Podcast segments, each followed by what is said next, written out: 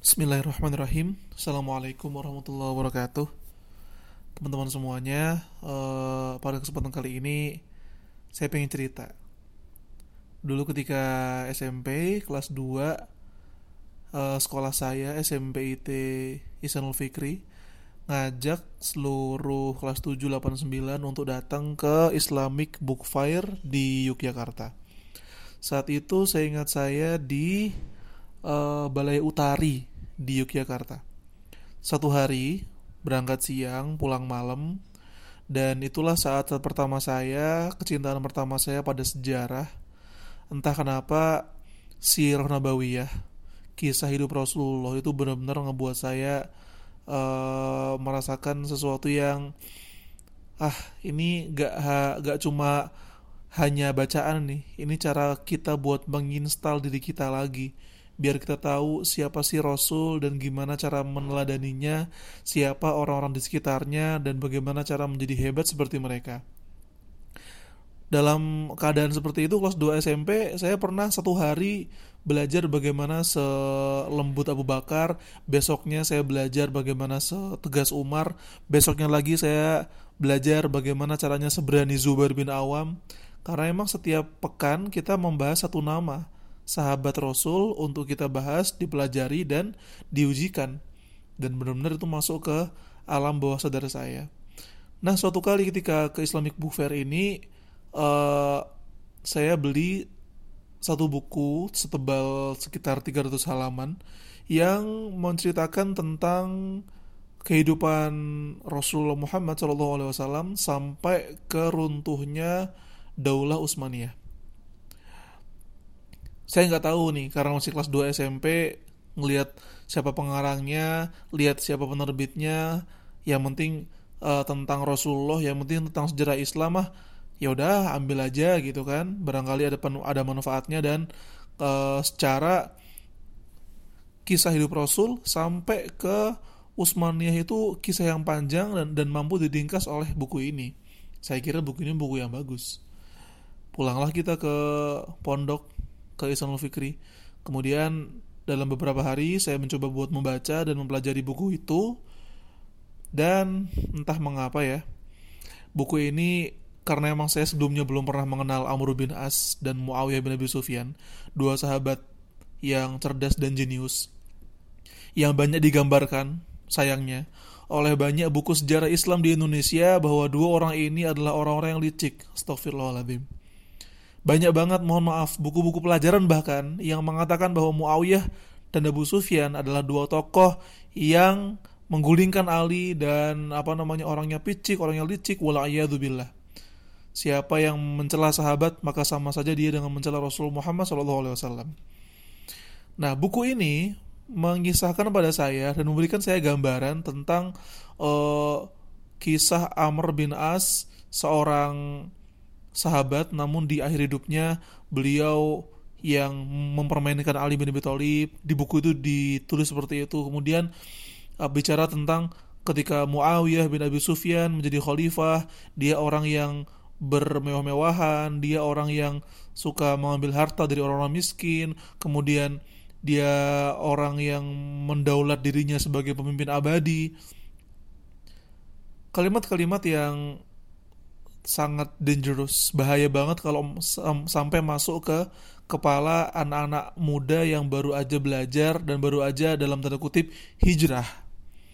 Nah, belum ada banyak ilmu dan kemudian beli buku, bukunya tidak tahu siapa penulisnya, tidak tahu siapa penerbitnya, karena ada label Islamnya langsung dibeli dan ternyata ini mempengaruhi saya berbulan-bulan. Selama berbulan-bulan setelah saya membaca buku itu, saya menjadi orang yang sangat membenci beberapa sahabat. Wah, itu mengerikan banget. Sampai teman-teman saya bilang Edgar nih ngawur kok bisa sih ada sahabat-sahabat Nabi yang uh, diperlakukan eh, nggak uh, adil sama Edgar. Kok bisa sampai sekejam itu kamu bilang kayak gitu, Gar? Nah, ternyata uh, dilaporkanlah perkara ini kepada Ustadz dan kemudian Ustadz memanggil saya dan menyita buku ini kemudian dia beliau mempelajari apa sebenarnya yang dikandung oleh buku ini. Setelah beberapa hari, saya diajak oleh guru saya untuk uh, berdiskusi. Beliau tidak ingin untuk uh, memerintah saya untuk menjauhi buku ini atau tidak ingin uh, tidak ingin saya merasa dibantah dan dilarang untuk membaca buku.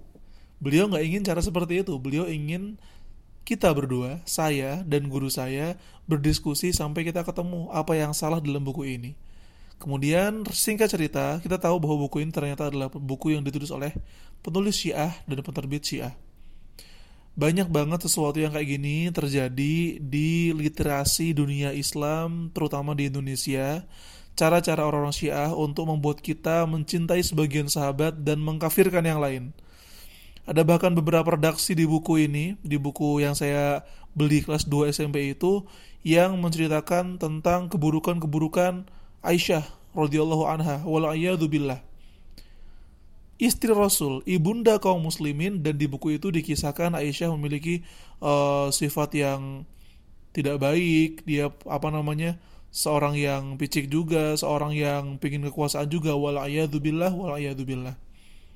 Teman-teman semuanya, kita memang menjadikan buku dan menjadikan eh, ceramah-ceramah ustadz yang hari ini ya, yang yang memang jadi medianya, ceramah ustadz, buku-buku sebagai uh, cara kita buat menambah ilmu dan bertafafiddin. Namun kalau misalnya kita mencukupkan diri dengan hanya membaca buku dan mendengar video dan melihatnya tanpa memiliki guru dan tanpa memiliki pengampu yang mengarahkan kita, sebutlah namanya murabi atau mentor, maka di situ iblis akan memainkan perannya. Setan akan lebih mudah menyesatkan manusia kalau dia belajar tanpa guru. Ada seorang ulama bahkan bilang, siapa yang belajar dengan buku tanpa diiringi dengan arahan seorang guru, maka setanlah yang akan menjadi gurunya. Dari situ saya benar-benar mengambil sebuah hikmah besar dalam hidup saya. Untuk ukuran kelas 2 SMP itu benar-benar uh, sesuatu yang shocking banget, yang gak boleh keulang. Sehingga setiap saya memilih buku dan membeli buku atau mendengar ceramah ustadz, saya akan bertanya dulu kepada beberapa orang, kepada beberapa guru, kepada beberapa ustadz yang saya percaya tentang apakah buku ini benar, apakah penceramah ini benar, apakah literasi ini benar, dan apakah sumber-sumber referensinya benar. Kita perlu mengamalkan apa yang Allah firmankan dalam Al-Quran. Surat Al-Hujurat yang berbunyi, Ya ayuhalladzina amanu in ja'akum fasiqum binaba'in fatabayyanu an tusibu qauman bijahalatin fatusbihu ala ma fa'altum nadimin Wahai orang beriman, kalau ada orang fasik yang datang kepadamu dengan sebuah berita, ini nas khusus, namun kemudian uh, bisa kita kiaskan dalam banyak hal. Datang membawa berita, datang, datang bawa informasi, datang bawa literasi, datang membawa uh, sesuatu yang baru dalam bentuk informasi. Fatabayanu, maka bertabayunlah terlebih dahulu. Antusi bukauman bijahalatin. Dia bisa saja uh, membuat sebuah kaum ini tidak bisa menguraikannya dan membuat mereka akhirnya salah paham. Tidak mencelakakan suatu kaum karena kebodohan mereka. Fotus bihu ala mafa'altum nadimin yang akhirnya kamu menyesali perbuatan kamu itu. Nah, di sini benar-benar apa namanya? Uh, ya Allah firmankan ini jadi patokan banget dalam kita mengelola informasi, dalam mengelola apa yang masuk ke kepala kita. Kalau kata Ustaz Nismata, sediakan dua laci di kepala kita. Dua laci ini akan menyelamatkan kita kalau kita lagi membaca buku-buku apa pun itu dan apa pun judulnya. Dua laci ini akan membuat kita pandai membagi. Laci yang pertama adalah laci informasi dan laci kedua adalah laci ideologis. Laci informasi berguna untuk mengambil segala apa pun yang ada dalam buku, ceramah, literasi, bacaan yang sampai kepada kepala kita namun statusnya hanyalah data dan informasi. Dia tidak akan mempengaruhi laci kedua, laci ideologis. Laci ideologis adalah laci untuk memasukkan data-data dan informasi yang berisi sesuatu yang berfaedah dan akan menambah keimanan kita, menambah ketakwaan kita, menambah rasa cinta kepada kita pada Allah. Itu ya yang dimaksud dengan laci ideologis.